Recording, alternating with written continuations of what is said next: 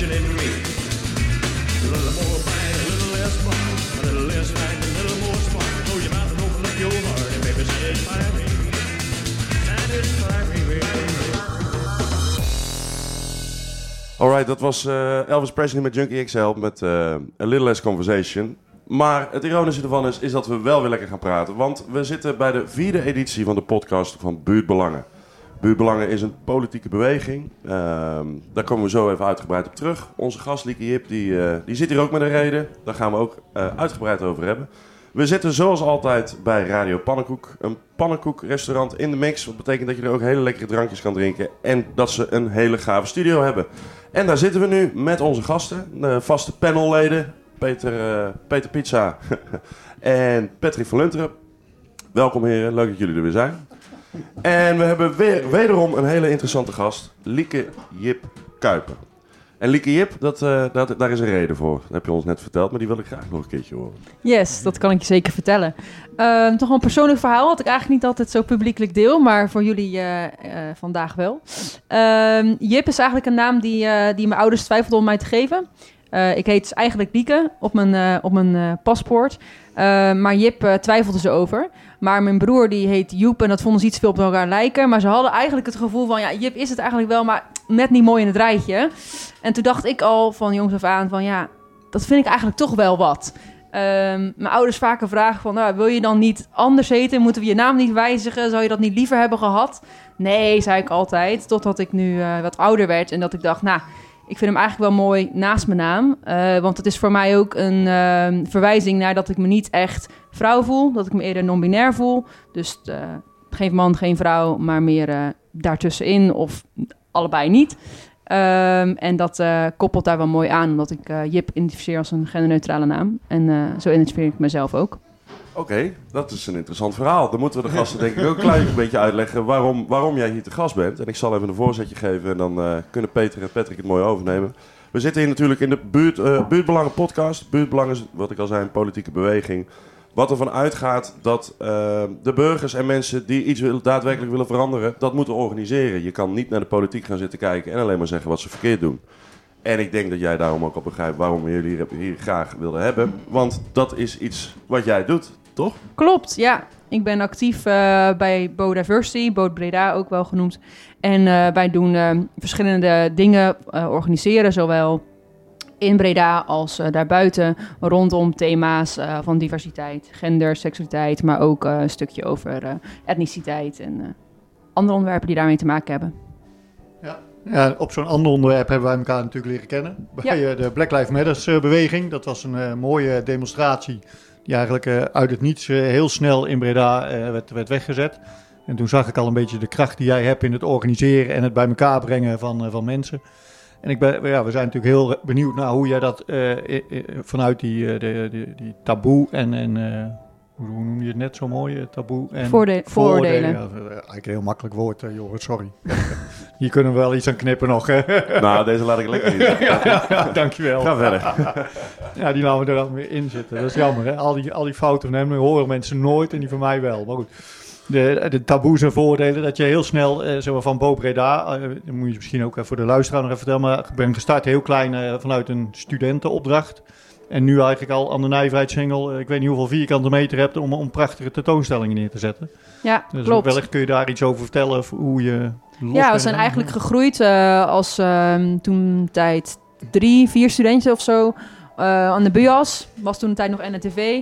En eh, we moesten een opdrachtje doen voor een paar studiepunten om ehm, ja, iets te gaan doen rondom ehm, verschillende ehm, subgroepen. En eh, toen koos ik er eigenlijk voor om te duiken in de LHBTI-gemeenschap in Breda. eh, omdat ik me daar zelf ook eh, aan identificeer- identificeerde. Zo, lekkere woorden. En ehm, uiteindelijk zijn we toen de stad in gegaan om even een test te doen. Van hey, hoe zit het eigenlijk in Breda? En dat is denk ik nu een jaar of vier geleden. En voor we het wisten, ik weet eigenlijk niet precies hoe kwamen aan tafel met de gemeente te zitten. Want die vond het allemaal wel interessant wat we deden. En die zeiden van ja, kunnen jullie niet meer doen? Eh, we hebben nog wel budget over deze, deze tijd. Dus eh, ja, misschien eh, hebben jullie wel leuke ideeën om hè, jullie wat meer zichtbaar te maken en het thema een beetje bespreekbaar te maken. En zo is het eigenlijk begonnen.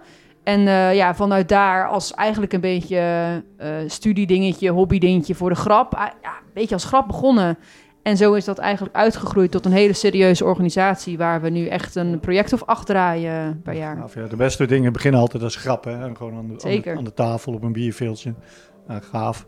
En eh, de, de gemeente omarmt jou gelijk. Eh, Vind je Breda een, een hele warme, inclusieve stad die eh, heel open is voor alles en iedereen en wat groeit en bloeit? En... Nou, ik denk dat het altijd... eh, dingen kunnen altijd beter. Maar ik denk dat je ook moet omarmen wat al eh, zichtbaar en wat al goed is. En ik kom zelf uit Zeeland, waarvan mensen meteen zeggen... oh, dat is zeker helemaal een hele bekrompen gebeurtenis daar. Nou, valt op zich wel mee. Ik ben daar ook in de stad geboren, in Goes. Ehm, maar het is wel een verschil. En het is niet zo dat ik vind dat... ehm, Goes dan meteen dat ik daar bijvoorbeeld heel veel eh, haat heb gekregen omdat ik gay was of zo. Totaal niet. Maar wel dat ik daar me meer een van de enige voelde dan dat ik dat hier voel. Niet alleen in eh, de LHBTI zijn, maar ook bijvoorbeeld in wat alternatiever zijn, in de keuze van beroep. Ehm, en dan kom je toch wel meer naar de steden. En Breda vind ik een ontzettend gezellige stad. Het is over het algemeen heel gezellig. Eh, en Bourgondisch en eh, zeker als de zon schijnt, is iedereen welkom. En dat voel ik zeker. Maar ik denk wel dat we nog eh, veel verschillende groepen hebben die niet zo heel veel met elkaar te maken hebben in de stad. En dat dat zeker beter kan. Ja. Ja, wat me net triggerde is dat je zei van de gemeente Breda vond het wel interessant wat wij aan het doen waren. En daar ben ik eigenlijk direct op zoek naar van, maar wat is er dan interessant, zeg maar? Waarom is een organisatie zoals jullie, en, en het groeit ook, zeg je, dus blijkbaar belangrijk. Waarom is dat, eh, is, dat nodig? Ik bedoel, wat mis ik, zeg maar? Eh, wat ik niet zie, wat wel belangrijk is voor jullie om eh, ja, zeg maar voor het voetlicht te brengen, mensen te laten merken eh, ja, dat het nodig is wat jullie doen, zeg maar. Nou, ik denk. ehm Steven ik je vraag best kan beantwoorden. Ehm, het is natuurlijk zo dat waar wij mee zijn begonnen is eigenlijk om te peilen van hoe zit het met de acceptatie. Want eigenlijk de, met, als we het dan hebben over de LHBTI-gemeenschap. Want we merken eigenlijk dat als je kijkt naar de geschiedenis, dat daar heel veel activistisch voor is gevochten om dezelfde rechten te krijgen. Over het algemeen hebben die nu dezelfde rechten. Eh, maar heel veel mensen weten ook helemaal de geschiedenis er niet helemaal van. Eh, omdat het ze niet echt iets heeft, niet heeft geraakt. Omdat het niet te maken had met hun. En dat heb je natuurlijk ook als je kijkt naar het koloniale verleden. Heel veel mensen weten daar ook niks van. Omdat ja, het, het niet persoonlijk raakt. Ehm, maar daar denk ik wel dat het heel erg belangrijk is om soms te weten eh, dat de strijd nog steeds gaande is en heel veel dingen. Ook al is het aan de oppervlakte niet meer zichtbaar, is het heel vaak nog wel iets waar ehm, mensen mee te maken krijgen in, ehm, ja, in meer micro-levels. En dan is het nog steeds belangrijk om aan de slag te gaan met: oké, hoe kunnen we dan zorgen dat meer mensen bewust ervan zijn, waardoor dat, eh, eh, die strijd wat ehm, makkelijker wordt of wat zachter wordt voor eh, die mensen. En daar gaat het eigenlijk om. Maar eh, het is een strijd, hè, zeg je dan? Ja. En ja, waar bestaat dat dan uit? Ik bedoel, wat zie je ehm, ja, gebeuren? Wat maak je mee? Eh, veel, weinig, eh, verschillend hoogstwaarschijnlijk. Ja. Ehm, wat je zegt van ja, maar en, en daarom is het belangrijk eh, dat wij aandacht vragen. Laat ik het even op mezelf betrekken. Ja. Ik, ben, ik, ik ben zeker iemand die vindt dat iedereen gelijke kansen moet hebben, de diversiteit. En toch begrijp ik niet altijd, als ik een opmerking maak soms, dat die ja, gewoon verkeerd kan vallen, zeg maar. Ja. Hè? Omdat ik helemaal niet bewust, maar iemand anders daar ja, ja, zich gekwetst voelt. Ja, Ja. Dat wil ik natuurlijk niet. Maar ik begrijp ook het probleem niet. Dus, dus Ja, ik denk dat het ehm, ding ook ligt, is dat we elkaar accepteren dat we fouten mogen maken. Dus dat iemand iets mag zeggen wat jou misschien kwetst, maar dat je vervolgens wel het gesprek aangaat waarom dat zo is. En waarom dat de ander ook begrijpt waarom dat zo is. Want als jij zegt van, eh, ik vind het vervelend als ik iemand kwets, maar ik begrijp eigenlijk niet waarom, dan zit daar eigenlijk waar het fout gaat. Want de oplossing zit in dat je elkaar gaat leer- beter leert begrijpen. En dan alsnog mag je fouten maken, maar dat je wel kan zeggen van, oh, hoe kan ik het de volgende keer dan anders doen?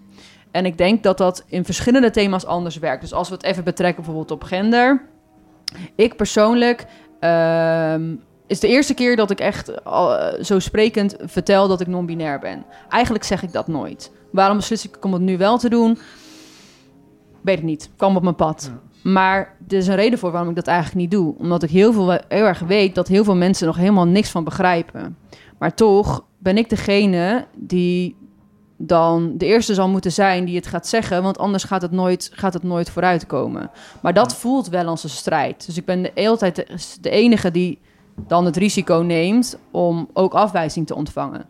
Ehm, en dat is denk ik een beetje wat eronder ligt. Dus er is een bepaalde eh, angst, een bepaalde pijn om niet geaccepteerd te worden. Dus als je al met een bepaald gevoel krijgt van, oh, eh, diegene zegt iets of die gebruikt deze woorden, die zal wel niet begrijpen wie ik ben of hoe ik me voel, dan kan er heel vaak een best wel verdedigende reactie op komen. En dat is denk ik ehm, eh, wat je dan ervaart.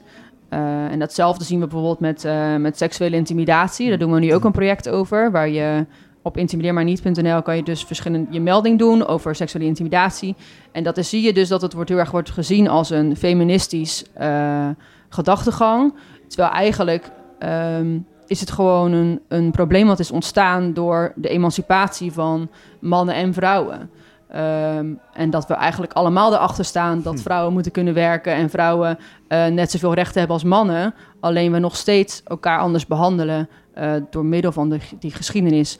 En daarin zie je dat vrouwen daar heel erg bewust van zijn en mannen wat minder, omdat mannen niet persoonlijk raakt, wat ik net al zei. Uh, en daardoor zullen ze wat minder snel bewust zijn van de dingen die gebeuren dan dat vrouwen dat zijn. Maar dan zullen vrouwen sneller ah, happen op het moment dat het gebeurt. Want die denken, ja, rot op, geen zin meer in. Uh, en daardoor ontstaat ook weer polarisatie, omdat, het, omdat ze niet kunnen begrijpen van elkaar. Ja. Dat maakt het natuurlijk ook wel heel lastig. Hè? Ik voel me nou natuurlijk gelijk als man weer aangesproken. Dat ik denk van ja, maar ik doe het thuis ook de afwas. En ik pak af en toe ook de stofzuiger. En van de week zong nog met de wc-borstel. weet je, ik, doe, ik doe ook heus wel mijn, mijn huishoudelijke taken. Weet je wel? En, en hiermee generaliseer ik de vrouw alweer dat die altijd huishouden. Ja. Dus het, het is, wat Peter zegt, het is zo'n ongemakkelijke discussie om uh, te voeren als, uh, als je... Uh, een voorbeeld zoals die Black Lives Matter. Ik weet niet, jij zat volgens mij ook in die appgroep dat ik na afloop van die demonstratie per ongeluk ja. het woordje blank gebruikte in plaats van wit. Nou, die, die, de 600 appjes die daarna volgden, dat, dat ging helemaal nergens meer. Mm -hmm. Dat was, dat was niemals, zeg maar, wat ik over me heen kreeg als blanke witte man met een, met een koloniaal foute uh, slavenhandel verleden.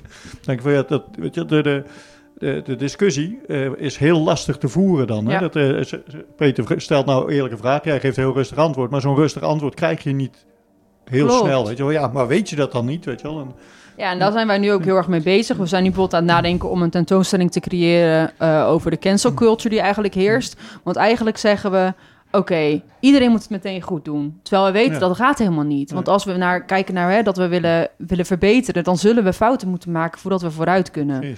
En we willen juist eigenlijk gaan kijken uh, met een nieuwe tentoonstelling. We weten nog niet of die er komt, maar dat is een nieuw idee dat op de plank ligt. Van kunnen we niet juist dat gesprek voeren door mensen die zeggen van ja, ik heb fouten gemaakt, maar boeien, daar leren we weer van. Oké, okay, de volgende keer zal ik misschien wat meer opletten, maar ook dat we elkaar niet continu afrekenen als iemand een fout maakt. En dan ja. zie je dat bijvoorbeeld nu op social media.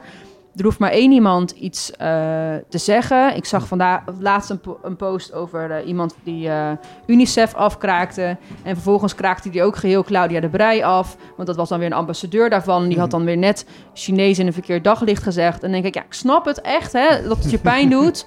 ja. Maar het is niet meteen een verkeerd persoon. Nee. Snap je? Nee, Claudia de Breij doet heel hele andere dingen, goede dingen die wel heel erg emancipatie uh, mee, met zich meenemen. Dus ja. waarom rekenen we iemand daar dan publiekelijk zo erg voor af? En uh, daar zie ik, zie vind ik dat dat beter kan. Ja. Nou, ik vind, ik, ik, ik, vind dit onderwerp namelijk mateloos interessant. Ik ben zelf een cis, cis gender, cis, cisgender. Ja, je zegt het goed. Hetero, uh, hetero man. Ja. Maar ik vind het echt mateloos interessant. We hebben er ook wel vaker ook gesprekken over gehad. Ik volg het ook in Amerika heel, heel, heel erg.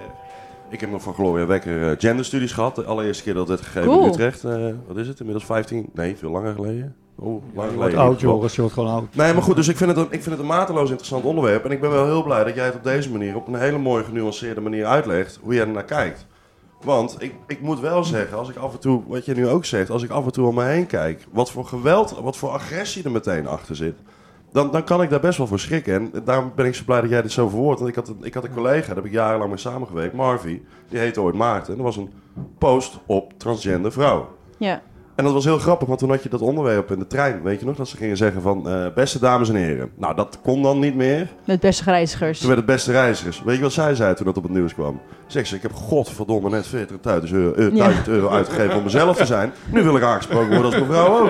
En toen zat ik daar te denken. Ik denk, nou, je, je hebt helemaal gelijk ook, weet Ja, je wel. Dus, ja. dus, dus, dus ook al zou je er heel actief mee zijn om alles heel de tijd goed te willen doen...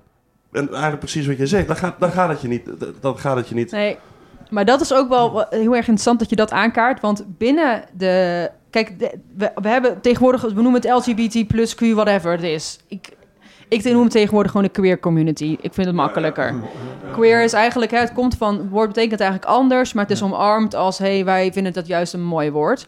Ehm, maar het ding is binnen die queer community... dat er nog steeds heel veel... ehm, subgroepen in zitten die elkaar ook niet allemaal helemaal even accepteren. Dus het is nog moeilijker, want zo kan een transvrouw zeggen: ja, fuck jou tegen een non-binair persoon. Ik heb net lopen strijden voor dat V op mijn paspoort en nu wordt het straks op internet bij staat er Ja, geen vrede of man precies. meer. Godverdomme, ja, dat wordt natuurlijk, dat, dat snap ik. Alleen het ding is dat we het eigenlijk, wat, wat ik dan zie als het onderliggend proble- probleem, en dat is waarschijnlijk wat je in genderstudies hebt gehoord, is dat het gaat over hoe we man en vrouw stereotyperen vanaf dat we worden geboren. Male- De male gaze is dat ja, dan, hè? en daar gaat het eigenlijk om. Want hè, dat je een ehm, zodanig van transitie wil veranderen van man naar vrouw, betekent dat we kijken als echt twee super verschillende dingen. En als je kijkt naar hoe een man of een vrouw wordt geboren, zijn die verschillen eigenlijk helemaal niet zo erg groot, maar vormt dat zich door de opvoeding die we hebben. Ehm, tuurlijk zijn er verschillen in lichamelijke ontwikkelingen, in hormonen.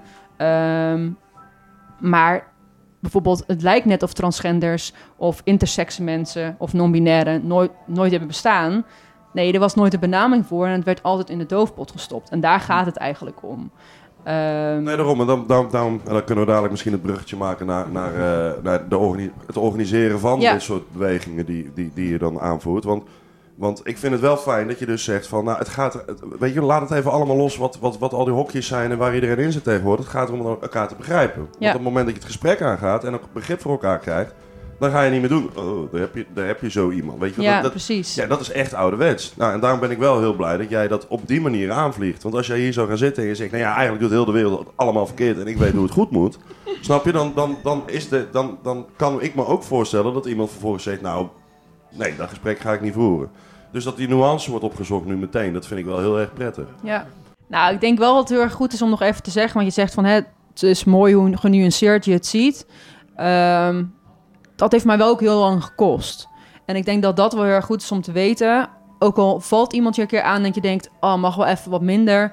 Dat is heel vaak gewoon dat het bij iemand zoveel pijn doet. Dan zit het blijkbaar zo diep. Oké, dan zijn we nog niet op het moment dat we een gesprek kunnen voeren.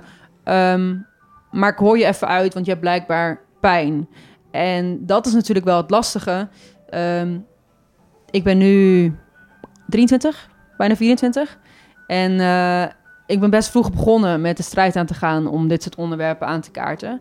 Ehm, maar het heeft me echt wel een jaar of zes gekost om dit genuanceerd te kunnen vertellen.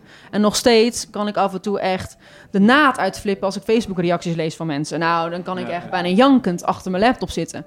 Maar ik heb ook geleerd om dat los te laten, want je kan niet de hele wereld veranderen. Dus je begint met kleine dingen en kleine stapjes. En zo zijn wij ook begonnen. Hè? Je begint met gesprekken hebben met mensen waar je normaal gesproken mee om tafel zit. Ik heb discussies gehad met mijn ouders. Terwijl dat zijn echt, echt wel geëmancipeerde mensen.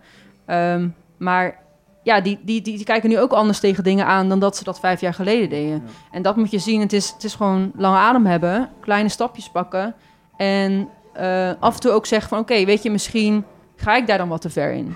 Ook zelf zeggen van hé, hey, het kan, misschien heb je gelijk. Misschien moeten we wat langzamer, zodat iedereen het kan accepteren. Maar wat ik heel mooi vind, is dat jij zegt van ja, ik ben een cisgender hete persoon. Dat je überhaupt al die benamingen weet en jezelf zo moet plaatsen, is al een hele stap. Omdat we daarmee dus erkennen dat ehm, dat niet per se normaal is.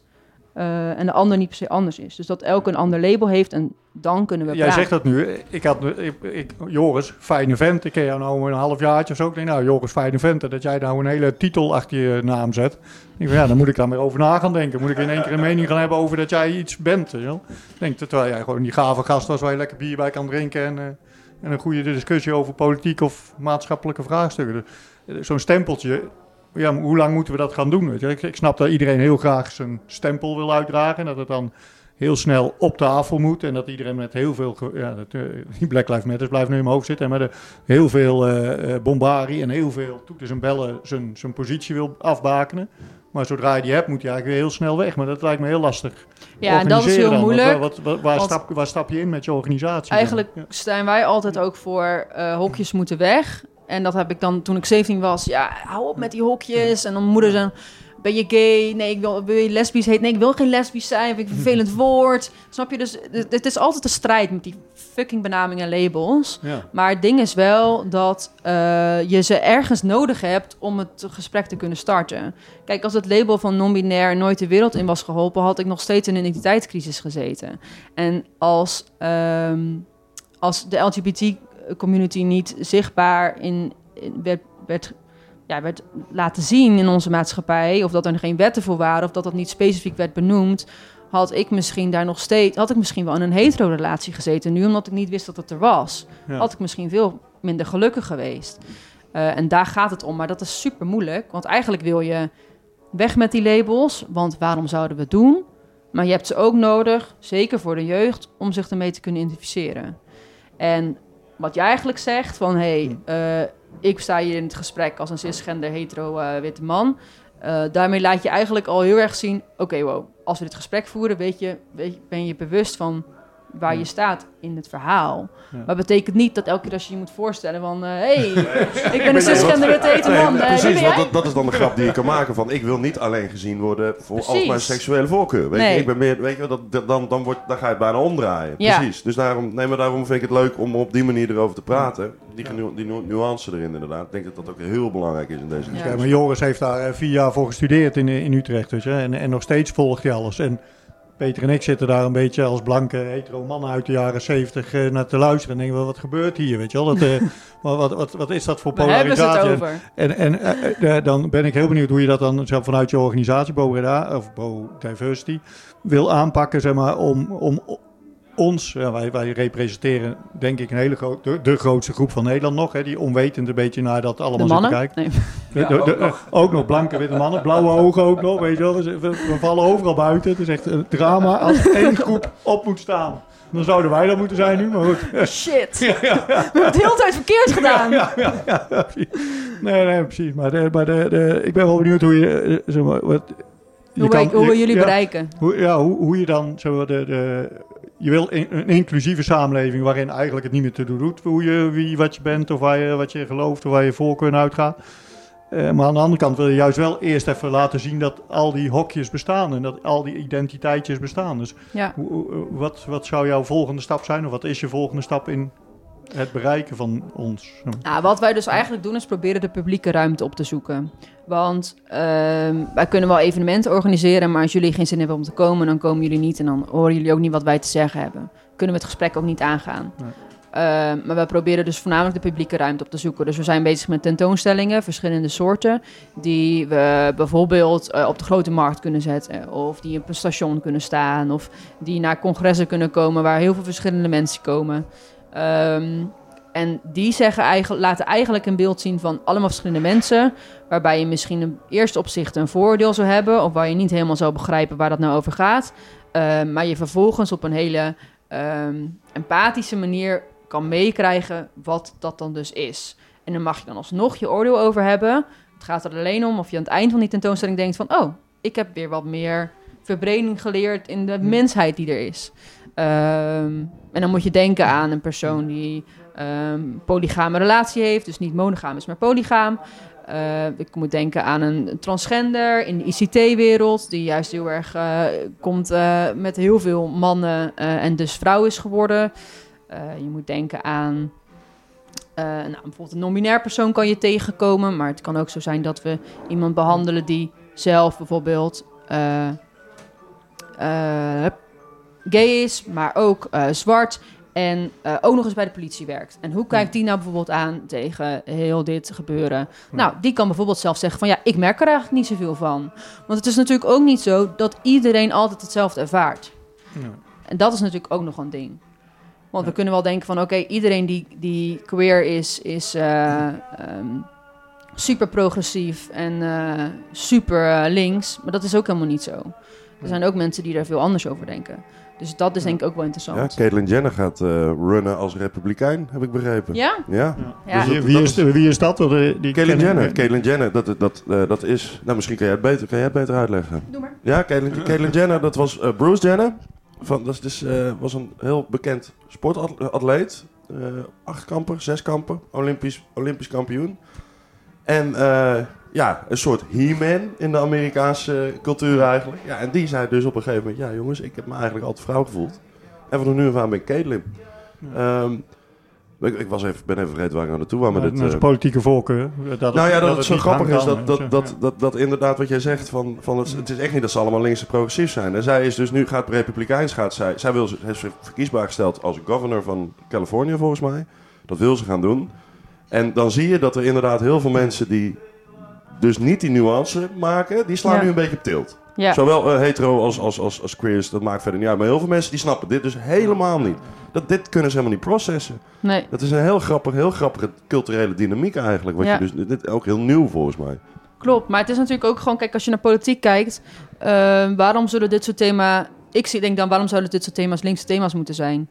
Dan denk ik, ja, volgens mij zien we nu ook eh, dat het bij sommige onderwerpen ook rechtse thema's worden. Gelukkig maar. ja. Ehm, ja, en ik, ik denk ook dat, eh, maar dat is, dat is wel interessant als je gaat kijken, dat dat bijvoorbeeld met de hele gender- en seksuele diversiteit veel meer nu eh kamerbreed wordt behandeld. Terwijl als we bijvoorbeeld hebben over racisme, niet. Dan zegt extreem rechts, nee, dat, dat, dat is er niet. En extreem links zegt, dat is er zeker wel en je moet het nu zien. En daar krijg je dan wel weer die, die twe- tweestrijd in. Dus het is wel heel grappig om te zien dat die strijden die eigenlijk gaat over hè, taboes, vooroordelen, hoe gaan we met elkaar om, hoe accepteren we iedereen, hoe zorgen we dat iedereen waardig wordt behandeld. Eh, ook in systemen en in, in opvoeding, op scholen. Dat wordt dan toch per onderwerp weer verschillend gezien. En dat heeft te maken met de tijd, in de, de stroming in de tijd. Ja, nou, ik, vind het wel interessant dat je daar ook een beetje op inzoomt. Want ik had een laatste gesprek met iemand over. En die, eh, die zei van, nou ja, goed, eh, bijvoorbeeld transgenders, die Nikki Tutorials, dat is op dit moment een van de hottest persons in heel de wereld. Klopt. En, en die kwam uit de kast, of die werd geout, dat was dan wel niet, niet Ja. netjes, maar eh, die kwam uit de kast als transgender. En heel de wereld die zei, nou tof, we vinden je geweldig. Ja, Eh Caitlyn Jenner, een beetje hetzelfde verhaal. Die komt uit de kast en die wordt eigenlijk, oké, nou top. En dat werd meteen de Woman of the Year. Er werd Ja. geen Man of the Year meer gedaan, maar zij werd de Woman of the Year. Gaaf. Dus, en, en dat, dat, ik, dus je zou kunnen stellen, wat, wat is er nog aan de hand? het zit gewoon in die micro-dingetjes, wat ik al zei. En dat betekent nou niet dat dat ehm, nou meteen allemaal morgen moet geregeld worden. Ehm, maar dat is ook het verschil voor een cisgender heter persoon. Denk je bij die micro-dingetjes, ja, waar maak je je druk om? Dat denk ik ook wel eens andersom om andere thema's. Waar maak je je nou druk om? Eh, alleen dat kan voor iemand anders weer net echt dat, dat stukje zijn waar die heel veel last van heeft. En ja, wel zoals ik op het begin bijvoorbeeld al zei, een heel groot voorbeeld. Eh, ik out me niet zo snel over mijn eh, gender, omdat ja, mensen hebben daar helemaal geen zin in om het te begrijpen. Want dan denken ze, ja, wat, what the fuck gewoon. En dat snap En- ik En ook. denk je ook niet een klein beetje tegelijkertijd, at the end of the day, wat maakt het eigenlijk uit? Waarom zou ik dat... of Dat, dat, is, dat is het niet. Nou ja, ik ben er zelf wel gewoon. Ik ga er wel makkelijk in om, want ik weet dat het voor andere mensen niet makkelijk is om zich meteen aan te passen. Dus bijvoorbeeld over het stukje voornaamwoorden, als we het over pronouns hebben, dat is een heel erg tegenwoordig een heel erg begrip wat gaande is in de. They, there, they, ja, there, they, there, za. die dienst, hen, hun. Je hebt er honderd Mensen 120 denken, waarom is het nodig? En dat snap ik ook, want het is moeilijk om te veranderen in de taal. Dus we zijn het niet gewend. Eh, dan moet je tegenwoordig aan iedereen gaan vragen, hoe moet ik je aanspreken? Want je kunt het niet van iemand zien. Ehm, maar ik ben toch op een of andere manier deze week begonnen om te kijken eh, of er anders op wordt gereageerd als ik het zeg. Eh, dus in mijn Instagram bio staat nu zij, haar, maar ook die dienst. Omdat ik denk, maar weet je, prima als je nog zij, haar noemt. Maar ik ben ook benieuwd of mensen het aankunnen om te gaan proberen met die dienst. Om überhaupt alleen maar te kijken. Kijk, ik vind het allemaal wel prima. Maar ik weet ook dat het voor heel veel andere mensen echt nog een veel grotere struggle is. En als we dan echt diep in het onderwerp gaan. Ik heb van de week een gesprek gehad met mijn broers en zussen of ik mijn borsten wel wil houden. Of ik dat fijn voel bij wie ik ben. En dan zeggen, ja, maar wil je dat dan voor de buitenwereld? Omdat ze je dan misschien meer androgyn zien? Ja. Of wil je dat voor jezelf? Ja, ja. Dan zeg ik, ja. God knows why. Ja, ja. iets Ja. ertussenin. Maar je bent altijd iets ten opzichte van je omgeving. Dus dat, Daarom. dat is een wisselwerking. Dat kan maar niet anders. het, Ja. het is een bepaalde identiteitsvorming Ja. die je wil. En dat is natuurlijk ook als je bijvoorbeeld kijkt naar ehm, vandaag de dag kan je eh, niet aangeven dat je drie ouders hebt. Dus als jij, als ik samen met, met mijn vriendin en een donor, spermadonor, een kind krijgt, kunnen we die spermadonor niet identificeren als vader. Als wij twee al op het papiertje staan. Dus ons kind belandt op de IC, dan mogen alleen wij twee erbij. Dat zijn dingen die bijvoorbeeld, als je het gaat over queer koppels, denk van, nou, dat zouden we wel willen. Of bijvoorbeeld als twee homo-mannen met twee, twee lesbische vrouwen bijvoorbeeld een kind delen. Doen, dat gebeurt tegenwoordig ook heel vaak. Dat dat dus allemaal nog niet kan. Dat zijn van die micro-dingetjes, denk je, ja, is het nou nodig? Nou, niet echt. Maar hetzelfde homogenezing. Denk ik dat misschien dat niet meer zo heel veel voorkomt. Maar dat eh, komt meer voor dan je denkt. En het is gewoon nog legaal in Nederland. En het is ook nog eens zo dat er heel veel praktijken zijn die een ambi-status hebben. En die ondertussen ook aan homogenezingpraktijken doen. Oftewel, daar zijn ze nu wel mee bezig. Dat is al een jaar besproken in de politiek. Maar ja, dat duurt niet normaal lang voordat dat allemaal wordt afgenomen. Oftewel, er zijn gewoon organisaties die subsidie krijgen omdat ze aan homogenezing doen. Ja, en dan denk ik, Jesus Ja, Christ. ja, ja. En, eh, ik, eh, dit, dit, ik vind het super interessant. Hè? En prachtig hoe open en eerlijk je alles deelt met ons. Eh, de, de, het, het gaat heel diep en het gaat heel persoonlijk. En dan Ja. wordt de, de, de, de strijd buiten gaat dan over een zebrapad met, met eh, de, de, de regenboogkleuren in een park. Om de, voor mij zo ongenuanceerd. Begin, dan begin even bij het begin over de Ja. regenboog. Ja. eh, de, de Nou, regenboog. nou ja, precies. Nee, de- kijk, de, als, we, als we zo'n gesprek hebben, denk ik, jeetje, weet je wel, zo diep en zo persoonlijk en Ja. zo, zo vergaand is deze discussie. En dan wordt het platgeslagen in Breda met een zebrapad, wel of niet in het park, weet je wel. Dat, eh, hoe, waarom? Weet je wel, waarom dan de- die keuze voor dat zebrapad? Waarom ben je begonnen met een zebrapad aanleggen, zeg maar? Nou ja, omdat het natuurlijk wel de. ehm, kijk, het, de vraag is: is het symboolpolitiek of draagt het bij aan de zichtbaarheid van de cure community? En ik denk dat aan beide wat te zeggen is. Het ligt eraan wat er uiteindelijk mee wordt gedaan. Kijk, als het daar ligt en vervolgens ehm, verslijt het en eh, eh, ja, denkt iedereen alleen maar het is zonde. Ja, dan is het niet echt bevorderend. Maar wij zijn bijvoorbeeld begonnen met dat pad leggen. ehm, twee, drie zomers geleden. Tijdens Palm Parkies was dat toen nog. En toen hebben we die hele Palm Parkies hebben we ehm, allemaal regenboogbandjes uitgedeeld. Met mensen het gesprek aangegaan. Eh, we zijn mensen op een foto gegaan met een groot hart om te laten zien van hé, hey, wij staan voor eh, gender en seksuele in- inclusiviteit. En dan was dat pad was een soort van kenmerk, was een soort van artefact, was een iets, iets tastbaars wat dat ehm, eigenlijk die, die emancipatie stimuleerde. Ehm, maar goed, dat betekent wel dat het nog steeds dat allerbelangrijkste is dat het gesprek ermee wordt aangegaan. En dat is het interessante ervan. Dus als een kindje van vijf over dat pad loopt... en die zegt tegen mama of papa of genderneutrale oudernaam... geen idee wat. hey, eh, Die, hey, die. ja, die, wat, eh, wat is dit? Of dit is echt mooi. En dan ga je in het gesprek aan met je kind. Eh, en daar is, het, daar is het belangrijk voor. Maar dan moet het wel werken Ja. om het gesprek Ja, te voeren. Kijk, en, en het gesprek over het zebrapad gaat alleen maar over... waarom ligt het in godsnaam op die plek, op zo'n hele rare plek in het park? En waarom is niet die, die, die dat zegt Peter altijd, waarom niet de, de, de, de Willemstraat, hè, de- dat hele grote zebrapad? Waarom niet die inkleuren? Dan maak je als dat een statement. En dan heb je echt een verhaal. En, en, en, en de discussie gaat ook nog, moeten we het wel blijven onderhouden in het park? Daar gaat Ja. de discussie over in mijn beleving. En helemaal niet over nou, de, de fantastische half uur wat je net hebt verteld aan, aan, aan Ja, maar dan maken, die keuze maken we zelf, hè? We maken de keuze om het te hebben over waarom het daar ligt... en niet over het onderwerp. ja. Die keuze maak je zelf ook.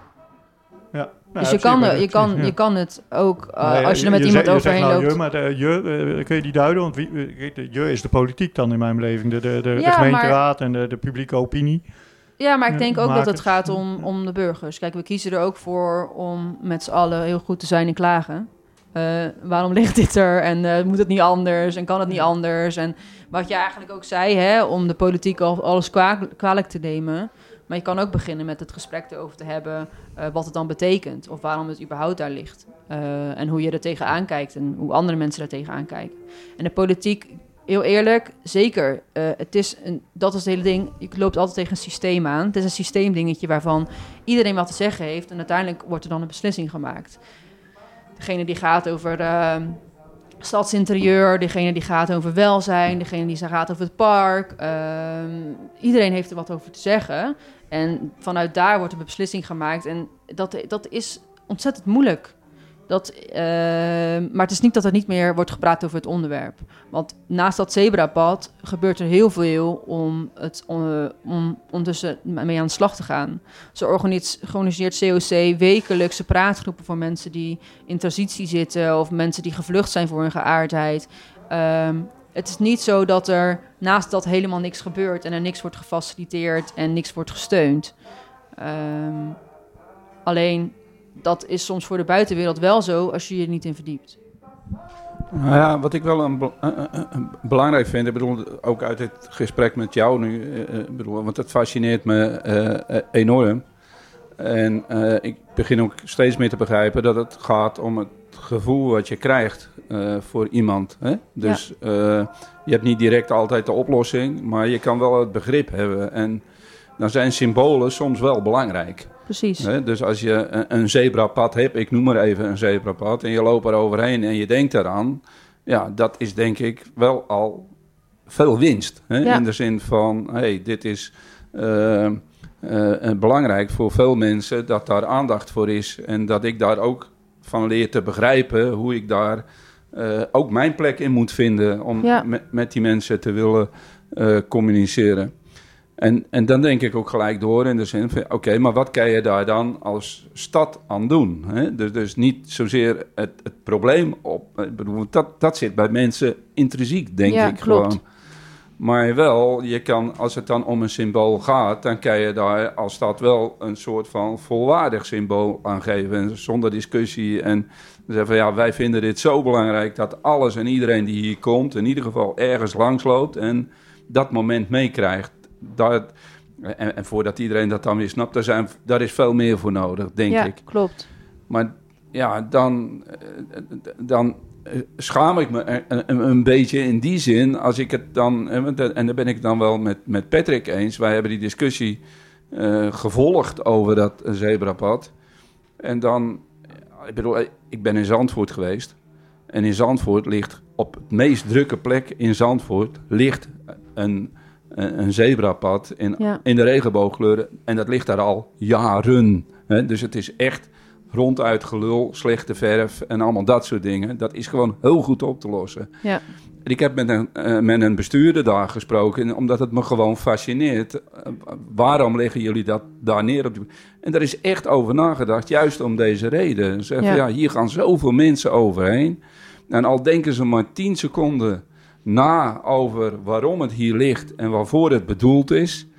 Ja, dan geeft ons dat als, als dorp, is het geloof ik, eh, Zandvoort, een, een, een goed gevoel. Ja. Ehm, is dat dan ook niet wat meespeelt, zeg maar? Ik bedoel, wat, wat verwacht je? Of wat verwacht, misschien niks. Hè? Ik bedoel, je kan ook gewoon van je eigen kracht uitgaan natuurlijk. Maar wat, wij zijn buurtbelangen, wij willen de stad beter maken. Wat moeten wij als buurtbelangen, of wat zouden wij als buurtbelangen kunnen doen om mee te helpen in dit, in dit denkproces, zeg Ja. maar? Nou ja, ik denk, kijk, zichtbaarheid en bewustwording zijn gewoon, zijn gewoon belangrijk als je dit soort dingen wil behandelen. Ehm, en daarin klopt het ook gewoon dat standvastig achterstaan met wat voor zichtbaarheid je eh, creëert, dat dat heel belangrijk is. Kijk, dat dat nu vervaagt, dat pad, is gewoon heel erg zonde. Ehm, kijk, wij hebben er uiteindelijk ook voor gekozen om het in het park te doen, omdat er heel veel mensen komen. Heel veel zichtbaar is. Dat het echt iconisch is voor een verbindende factor van de stad. Dat leek ons mooi. Maar wel als het er natuurlijk mooi echt bleef. En eh, ja, ik weet niet of jullie die foto herinneren vanaf bovenaan. Dat vond ik super vet. Zag je dat groen en dan zo dat regenboogpad. Ja, en het is gewoon... Nu jullie het zo weer zeggen, denk ik... Oké, misschien moeten we er toch nog eens een keer achteraan. Wat doen we daar nou mee? Of haal het helemaal weg. Maak het helemaal schoon. Of verf het over. En het ding is wel dat... ehm, ja, dit is prachtig. Laat even een foto zien hier. Maar het ding is dat... ehm, Dit is die in Zandvoort, hè? ja, ja. ja, dat, dat het, dat het eh, heel veel mensen achter moeten staan. En de, wie maakt die beslissing? Wie mag er iets over zeggen? Dat is de vraag. Ja. Zijn wij dat? Is de politiek dat? Of zijn de ambtenaren die gaan over het park of over de stad of over. Want al, benoem je, ik weet, wij hebben het ook gezegd over die, eh, die straat van. ehm, Bij de Scotch and Soda zit hij. Hoe heet die straat? Bij de Mac. Bij? McDonald's. En, eh, ja, Ja. dat overgang van het ene punt naar de andere kant van de stad. Nou, daar zag ik hem helemaal voor me. Heb ik vier jaar geleden heb ik al een nepfoto soort van gemaakt hoe dat er dan uit zag zien, te zien. Ah, was te gevaarlijk, want dan was het een, er moet geen zebrapad liggen, want er staan stoplichten. Oké, maar als er dan stoplichten staan, dan, dan is het toch prima. Het is alsnog geen echt geldend zebrapad, dus dat maakt het dan toch niet uit. Ja, maar dat, dat gaan we dan dus niet doen. Of dan rijden dan te veel bussen overheen. Of weet, niet. Het is altijd een excuus waarom het op bepaalde plekken niet kan. Nou, je kan daar ook eh, stoplichten doen met, eh, weet je, ken- kennen jullie stoplichten? Met die eh, vrouwtjes hand in hand en die mannetjes hand in hand. In plaats van een rondje. Nou, easier kan niet. Het is een sticker opplakken en je hebt het. Ja, ja, ja. Nou, nee, dan, dan lijkt het misschien niet meer op een echt stoplicht. Weet ik veel wat voor smoes er dan weer wordt verzonnen. Eh, dat heeft ook allemaal te maken dat... eh, ja, de mensen die gaan over het, in- ja, de interieur en de stadsbouw... dat die er dan dus niet achter staan. En dan...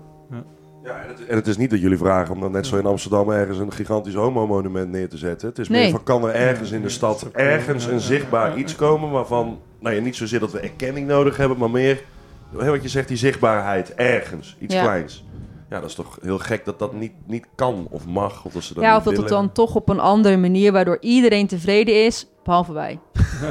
Ja, die, die- je bedoelt die bank met Ja. die, met die Ja. vlag erop. En uiteindelijk hebben we ook gezegd, jongens, het is goed, weet je, het is eh, leuk geprobeerd, het, het is iets, dus we doen het ermee. Ehm, maar ik ben me op een gegeven moment andere dingen bezig gaan houden. Dus om meer dit soort dingen te doen, Ja, het ja. gesprek aan te gaan met mensen eh, en dat te faciliteren, dan alleen maar bezig te zijn met het symbool. Want als het niet goed wordt uitgevoerd, dan bereikt het niet zoveel. En dan gaat het alleen maar over de ophef, Ja. dan dat het gaat over het thema. Weet je wat, een beetje- weet je wat een beetje grappig is? Je, jij vertelt eigenlijk een klein beetje hetzelfde verhaal hoe jij dit hebt meegemaakt als, als jullie. Maar dan op een, op, een, op een ander vlak. Jullie zijn eigenlijk ook nou ja, teleurgesteld geweest in wat je hebt meegemaakt. En heb je dus nu ook gezegd, van, ja, dan gaan we het zelf doen. Ja. Ja. En daar zitten, daar zitten dus heel veel raakvlakken Ja, ook tegelijkertijd. Ja. Ja, maar eh, mag, mag ik hier nog iets... Eén ding, ik bedoel, want het... het nee, want het, Doe, het- doe Peter, ik pak vind het echt, echt be- belangrijk dat je... Ik bedoel, het is niet zozeer herkenbaarheid, want dat, die herkenbaarheid... Ik bedoel, daar zorg je op een of andere manier wel voor. Maar waar het om gaat is dat je een moment op een dag kan hebben... dat je nadenkt over datgene wat speelt bij andere mensen. En daar is dit symbool denk ik wel heel belangrijk voor. Of dat het dan een zebra of een stoplicht of wat dan ook is. Maar daar op een drukke plek. Dat je je realiseert dat, dat, dat mensen anders eh, kunnen zijn. Ja. In, in het grote eh, massa eh, denken. Hè? Maar dat je je realiseert dat mensen daar ook pijn van kunnen hebben. Dus misschien moet het wel niet zozeer van jullie afkomen wat betreft dat symbool. Misschien moet het veel meer van ons afkomen. In de zin van, ja, weet je, wij realiseren ons dat we zo'n moment nodig hebben om erover eh, te blijven nadenken. Dus ik, ik, ik bedoel, ik, nu we het er zo weer over... Nee, maar ik... Weet je, dit zou ons... Dit Jij zou ons met een bivakmuts op naar de Willemstraat. Nou hoor. ja, goed. Of dat het dan... Nee, maar het, eh, kijk, technisch is het allemaal mogelijk. En het is gewoon een bestuurlijk verhaal. En ik, ik, ik snap dat jij zegt... Ja, ik heb wel andere dingen die ik belangrijker vind. Maar van ons uitgeredeneerd... Het, het moment nodig eh, willen hebben om... Ja, een moment... Iedere dag daar waar veel mensen zijn... En als dat het symbool erachter is, dan, dan doe je wat, denk ik. Ja. Ik bedoel, mooi dat iemand iets interessant vindt. Maar ik vind dat je ook een stadsbestuur nodig hebt die gewoon iets doet. Vind ik helemaal gelijk. Ik, ik ben bij, eh, vroeger woonde ik vlak bij de Peterse Pauluskerk. En die hadden dus een regenboogvlag buiten hangen. En elke Ja. keer als ik daar langs reed, denk ik, wat leuk. Een kerk met een regenboogvlag. Kijk, dit, dit, dit, dit wil je. Dit, dit is wat nodig Ja, dat is ook. Ik ben ook. Ging ik met eh familie ging ik in een of andere Brabants klein dorpje gingen we kamperen. En in dat dorpje hing dan toevallig de regenboogvlag. En het jaar daarna dat kwam, hing die er weer. En ik dacht elke keer van. Hoe bijzonder is dit dat in een een of ander klein dorpje hem daar hangt? En dat zegt toch ook iets. En ik weet dat de gemeente nu ehm, in een agenda allemaal belangrijke dagen heeft staan waarop die hangt. Eh, de volgende stap is dat hij er altijd hangt, denk ik dan. maar het- ja, het is al wel heel mooi. Maar wat jij ook zegt, en dat vind ik echt zo waardevol, is dat het gaat om, en dat is het ook wat ik probeerde uit te leggen met die pijn. Soms is het ook fijn als andere mensen eh, een klein beetje voor je meedoen. Ehm, zoals ik bijvoorbeeld tegen mijn broers en zussen zei: van ik heb geen zin om uit de kast te komen en tegen iedereen te vertellen wie ik ben. Dus als je het gesprek toevallig dropt bij iemand, heel erg fijn. Dan hoef, hoef ik het niet allemaal zelf te doen. Maar hetzelfde geldt, eh, mijn vader, die is nu niet meer eh, onder ons, jammer genoeg. Maar ehm, die droeg op zijn werk altijd een regenboogbandje. Eentje van onze organisatie toevallig. Gaaf. Ja. Die man is hartstikke hetero, was hartstikke hetero. Ehm, en die, eh, die zat dan gewoon als manager aan tafel met heel veel mensen. Mijn vader had best wel een hoge functie. En dan zag hij altijd mensen van die kijken van, hè, well, oké, maar hij draagt dat. Mensen durven dan toch niet het gesprek eh, te geven. Maar dat is een stukje symbool wat hij meedroeg. Niet omdat hij het zelf was, maar voornamelijk omdat hij heel erg trots op was wat ik deed. En ik vond het altijd heel erg mooi, omdat dat heel erg laat Gaaf. zien Ja, ja. hè, wat je zelf al kan doen. Iets heel simpels, ehm, wat wel heel erg veel waarde geeft. En dat betekent ook niet dat iedereen dat hoeft te dragen, want dan wordt het, dan wordt het ook weer gek. Maar het is meer van, je kan op heel veel verschillende manieren al laten zien dat je ehm, inclusief of open-minded bent. Eh, of, en dan mag je alsnog fouten maken, dat ook. Hè? betekent niet dat je dan meteen alles goed hoeft te zeggen. Ehm, maar dat vind ik wel een mooi voorbeeld wat jij zei van... Hey, hè, regenboogpad, eh, hè, dat is zeker heel belangrijk. Maar we zou ook, individueel zouden we ook zoiets kunnen uitdragen. Al is het, ik zie dat je een Apple Watch draagt. Je kan bij de Apple Watch kan je ook een regenboogvlag instellen bij een klokje. Nou, als je dan vervolgens op een dag denkt, nou, is wel leuk. Dan swipe je hem naar die kant, loop je een keer een dag zo rond. Ja, gewoon. Ja, ga ik zeker doen. Nee, maar dat zijn wel eh, de, de, de, ja, datgene wat je er ook zelf aan kan doen als je het belangrijk vindt. En ik denk, nou ja, goed, ik vind het in ieder geval wel belangrijk dat je op een volwaardige mens, eh, eh, wijze met mensen kan praten. En, maar dat je ook kan voelen wat, eh, ja, of in ieder geval kan invoelen wat de ander voelt als hij Ja. daar. eh, eh, Ja. op- En dan nog één ding, dat vind ik wel interessant. Want als je dat dan dus doet, hè, je draagt die regenboogvlag. Heel veel mensen zullen dat dan niet doen, omdat ze dan denken van... ja, maar dan denken mensen dat ik gay ben. Ja. Maar als je dat denkt, dan denk je dus al dat gay zijn een... eh, Slecht Ja, is. slecht Ja, ja, is. Of dat, hè, dat zag ik toevallig vandaag ook bij de Voice Kids. Een jongen van 14, superleuke jongen. En die zei, die had het moeilijk met dat hij zong, want vrienden van hem vonden dat dan gay. En dan denk ik, ja. En hij voelt zich beledigd doordat mensen denken dat hij dan gay is. En daar zit het probleem nog in. Dat we het toch nog zien als een belediging. En dat komt omdat het dan vaak de masculine identiteit aantast. Maar waarom zou dat zo moeten zijn? Eh, dat je zegt van, nee, die draagt de regenboog. Oh, oh, ben je, ben je van, die, eh, van die kant? Nee, maar wat alsnog dan? Snap je? Ja. Ja, precies. Dus je, het, moet, het moet boven die discussie komen te Ja. staan. Dat, is- dat is zo belangrijk. Want anders blijven we dat altijd maar doen met elkaar. Ja, precies. Ja. Ja. Maar dat vergt nog een lange weg, denk ik. Dat Zullen we zeker. eh, zeker. Eh, ja. Maar ik, vind, ik vind het, ja, ik weet niet hoe ver we al zijn, maar ik, want ik vraag me af, er zijn zo, eh, de LHBTIQ, de queer community, zoals jij hem dan bent noemen, die, die is in Breda eh, actief. Er zijn andere, de Black Lives Matter beweging. Verenigen jullie ook als, als allerlei eh, eh, clubs die opkomen voor identiteiten? Of hoe, hoe werken jullie samen? Is er een thematafel eh, voor dat soort discussies? Of? Nee, eh, dat zou denk ik wel heel erg goed zijn. Wat je ziet in grote steden eh, is dat er een diversiteitsbeleid ook echt is. Dus dat is gewoon één ambtenaar die gaat over het verbinden van dit soort thema's. Eh, dat is er in onze stad niet. Dat is wel iets waar wij heel erg voor pleiten, waar we proberen wel eh, te realiseren. Omdat je dan pas echt stappen kan maken. En dat is denk ik wel erg goed. Wij staan echt voor het intersectionele. Dus het, het gaat verder dan alleen de. ehm, kijk, je kan wel strijden voor gender, genderrechten bijvoorbeeld. Maar als je dan vervolgens hartstikke racistisch bent, dan is dat niet per se eh, goed voor de emancipatie. Want er zijn ook ehm, mensen van kleur binnen de queer community ja. die zich dan alsnog niet geaccepteerd voelen. Dus daarom is het wel erg belangrijk dat je. En hetzelfde bijvoorbeeld als mensen in een rolstoel. Kijk, we kunnen wel strijden voor gender- en seksualiteitsdiversiteit. En dat dat allemaal inclusief is. Maar als degene van een rolstoel nog steeds een gay-kroeg niet in kan. Ja, dan komen we niet echt veel verder.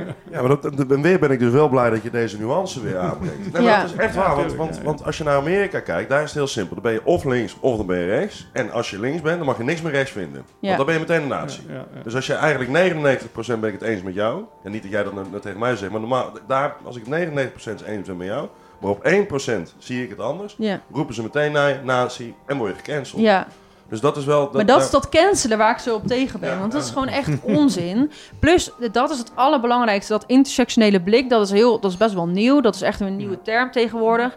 Maar dat is wel de toekomst. Om dus intersectioneel te gaan kijken. En daar is een intersectioneel beleid voor nodig op gemeentelijk niveau. Dus om dat faciliteren van verschillende blikken bij elkaar. Want ik weet ook niet alles. Kijk, ik strijd er erg voor eh, om racisme tegen te gaan. Maar ik heb zelf de ervaringen niet. Ik ken het alleen van verhalen van. En ik weet ook niet heel het verleden hoe dat zit. Maar gender en seksualiteit, daar denk ik dat ik echt wel een expert in ben. Maar op dat gebied eh, niet. En over beperking weet ik ook maar mate. Dus wij proberen wel ehm, dat op te zoeken met andere organisaties. Ehm, maar het zou heel erg mooi zijn als je dat meer kan faciliteren met elkaar.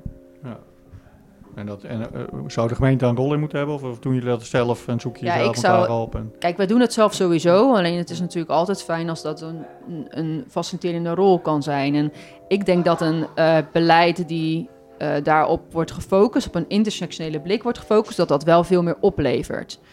Want wat je, wat je nu ziet is dat je hebt een potje voor regenbooggelden. Dat gaat alleen maar over de regenbooggelden. Maar als wij het dan hebben over dat je daar dan bijvoorbeeld... eh, ehm, je hebt nu tegenwoordig een nieuwe vlag... waar je ook ehm, bruin, zwart en de transvlag in hebt. Samen met de regenboogvlag. Dan, dan is het dan weer eigenlijk weer een stap te ver. Terwijl ik denk, ja, maar dus, je kan toch niet hebben... als we over de queer community hebben... dat je het dan alleen maar over witte personen hebt. En dat is bijna wel bijna eh, de richting waar je op gaat. En daarnaast heb je een potje voor veilige steden. En dat zit dan weer op eh, vrouwen en LHBTI'ers die op straat worden geïntimideerd of gediscrimineerd. Maar dan mogen we dan eigenlijk weer niet meer echt kijken naar een racistisch deurbeleid, maar wel over seksuele intimidatie in de kroeg, maar dan niet op het racistische gebied. Dat is helemaal heel ingewikkeld. Dus het wordt allemaal, allemaal andere potjes. En als je dan gaat van, oké, maar kunnen we het dan wel hebben over dat deurbeleid? Ja, maar daar is geen regeling voor. Dus daarom denk ik, er moet een beleid komen, een overkoepelend iets die kijkt naar die thema's in, in het geheel. Want dat heeft zoveel raakvlakken met elkaar. Wat, ik, wat, wat, wat ik wel interessant vind is, eh, want je haalde het net al even aan, er zijn allerlei verschillende potjes. Dat is ook wat het ingewikkeld maakt. Hè? Dus ik kan me ook nog voorstellen dat of een gemeente of stad daar helemaal niet weten hoe ze dat dan moeten doen, zeg maar. Hè? Ja. Maar hebben jullie daar ideeën over? Hoe je Ja. dus dat, de, de, de- die verschillende potjes aan elkaar zou kunnen knopen, waardoor er wel een beleid uitkomt wat elkaar versterkt, zeg maar, en niet wel elkaar uitsluit. Ja, nou ja, we zijn daar wel even mee bezig. En ook andere organisaties zoals eh, Radar, Antidiscriminatiebureau, is er ook mee bezig. Ehm, daarin hebben we eigenlijk gezegd eh, van oké, het is misschien belangrijk dat er dus een overkoepelend beleid komt. Eh, dus dan zal er ook een overkoepelend potje moeten komen. En daar gaan die dingen gewoon allemaal onder vallen. Maar dan kan je gezamenlijk het gesprek en gezamenlijk dat aan. Maar wat ook interessant is, is als het dan gaat om zo'n potje, wordt er bij ons verwacht dat wij onderling maar uitzoeken wie wat krijgt. Daar wordt dan ook geen beslissing over gemaakt. En dan moet dan ook allemaal weer eerlijk of. Dus ik heb altijd het idee dat het niet helemaal, niet helemaal durven of zo. Om, het, is gewoon, het heeft gewoon lef nodig. En ook omdat het dan heel snel eh, weer een bepaald label heeft. Dus als we dat gaan doen, oh, dan zijn we bezig met symboolpolitiek. Of dan zijn we te feministisch en dat willen we helemaal niet. Of nee, het gaat er gewoon om dat we het goede doen voor de mens. En we gaan het gewoon uitproberen en dan zien we wel. Maar we moeten ophouden met dat cancelen. En dat zit bijvoorbeeld ook, wat jij zegt, in dat ehm, links en rechts. Want ik vind ook dat we moeten ophouden met het cancelen van eh, iemands politieke voorkeur. Want we kunnen beter het gesprek aangaan dan meteen zeggen... precies. eh, ik, ik, ik doe het zelf ook mee hoor. Echt, als iemand zegt eh, dat hij ergens op stemt waar ik totaal tegenover sta... dan denk ik ook echt... Oké, waar moet ik het dan met jou over hebben Ja. vandaag? Maar het is natuurlijk ook mensen eigen, hè? Het is, Precies. het is mensen eigen, ja. Maar ik heb wel geko- gekozen om bijvoorbeeld nu een boek te kopen van Thierry Baudet... om me daar volledig over in te lezen, omdat ik benieuwd ben hoe die man denkt. en Dan wil je waarom... hem tegen kunnen spreken Ja, op, zo, en op zijn waarom- inhoudelijke punten. Precies, maar ook waarom mensen dus achter zijn. hem Je, je sluit staan. dan weer uit nu. Maar hoor. dat is het ook. Het is niet zo dat ik dus nergens meer mee eens ben. Het is ook niet dat ik nergens mee eens ben wat Wilders zegt. Maar op sommige punten ben ik wel met hem oneens. Zeer oneens. Uh, maar sommige dingen vind ik hem ook terecht. En denk ik, het is ook goed dat ze er zijn. Want ze spreken sommige dingen tegen. Geef tegengas. Nou, hij geeft Ehm, ook een geluid. Hè? Net als jij een daarom. geluid afgeeft voor jouw gemeenschap, geeft hij ook een, een, een bepaalde Ja. eh, achterban die wel heel erg eh, door hem eh, aangesproken is. Maar het is allemaal, en dat is van links tot rechts, van wit tot zwart, van hetero tot homo. Het is allemaal te maken met het gevoel van de plek in de maatschappij. Ja. En het gevoel van pijn. Dus dat is ook de reden waarom mensen zeggen: hè, eh, waarom moet het nou allemaal? Waar is mijn plek nog als witte man? Ja. Witte hetero cisgender man? Waarom? Hè, eh, ik ben ook, ik ben dik, dus ik werd er ook van gepest. Dus waarom, waarom is daar dan niks voor? Ja, ja. Of waarom, wanneer word ik nog gezien? En ik snap dat dat dan ook wordt gezegd. En Want Weer zegt ze niet blanke, hetero man uit de jaren Ja, 70. maar- Weer niet, hè? Zo jammer. hè? We worden gewoon niet gediend. Nee, maar ik bedoel wel, de- wat ik heel veel hoor is dat dat, dat, ehm, dat het dan heel erg tegenover elkaar komt te staan. Dat, omdat, dus, omdat het dus zoveel gaat over minderheidsgroepen, voelt eigenlijk de meerderheidsgroep zich ook niet meer gehoord. Nee. om het even zo te zeggen. En daar moeten we voor oppassen. En daar moeten we het gesprek mee aangaan, zodat we Ja, ja, ik denk dat je... Want, dan- want dan, gaat dan ga je namelijk polariseren. Dan ga je Ja. niet meer naar elkaar toe groeien. Precies. Dus ja, nou ja, goed. Dat, dat, vind ik, dat vind ik, als ik naar de hele ontwikkeling kijk, is dat de valkuil. Ja, Dat, dat je juist door de discussie of door het gesprek uit elkaar gaat in plaats van bij elkaar komt. En dat Ja. vind ik in Amerika gaat dat niet echt lekker. nee, maar dat is... Kijk, maar, maar dat is wat grappig. hoor. Ik kan je nog herinneren, ik denk dat net voor onze tijd als, als raadzitters, maar dat in Breda werd, werd de, de inclusieve samenleving eh, werd, eh, gepromoot. Hè. Alle, alle exclusieve geldpotjes en subsidietjes en beleidskaders werden allemaal eh, terzijde geschoven, want wij zijn een inclusieve stad en we maken geen onderscheid meer tussen dat, die etniciteit of die eh, culturele achtergrond. Of, dus er werd één subsidiebeleid, één, één beleid voor iedereen gelijk. En volgens mij is het daar ook al gelijk weer de valkuil. Want je, eigenlijk wil je juist aandacht hebben voor iedereen specifiek in zijn achtergrond, wat dat ook is. Maar wel in een soort inclusieve, we zijn allemaal mensen eh, samenleving. En daar Ja. zit wel de spanning, denk ik, die we nu zo hier op tafel leggen ook. Dat, eh, dat Breda heel erg wil, die inclusiviteit wil hebben. En, eh, en door die inclusiviteit zo na te streven, eh, vergeet om aandacht te geven aan ieder afzonderlijk. Ja, het gaat ook heel vaak gewoon over wat, wat ik heel erg leer tegenwoordig over persoonlijke gesprekken. Tuurlijk, het is eigenlijk bijna altijd een verbindende factor als je met iemand praat. Of het nou is dat je. Eh, kijk, hè, misschien kunnen we niet praten over. Ik ben de enige waarschijnlijk die dus eh, niet hetero is en eh, genderafwijkend is in dit, in dit gezelschap.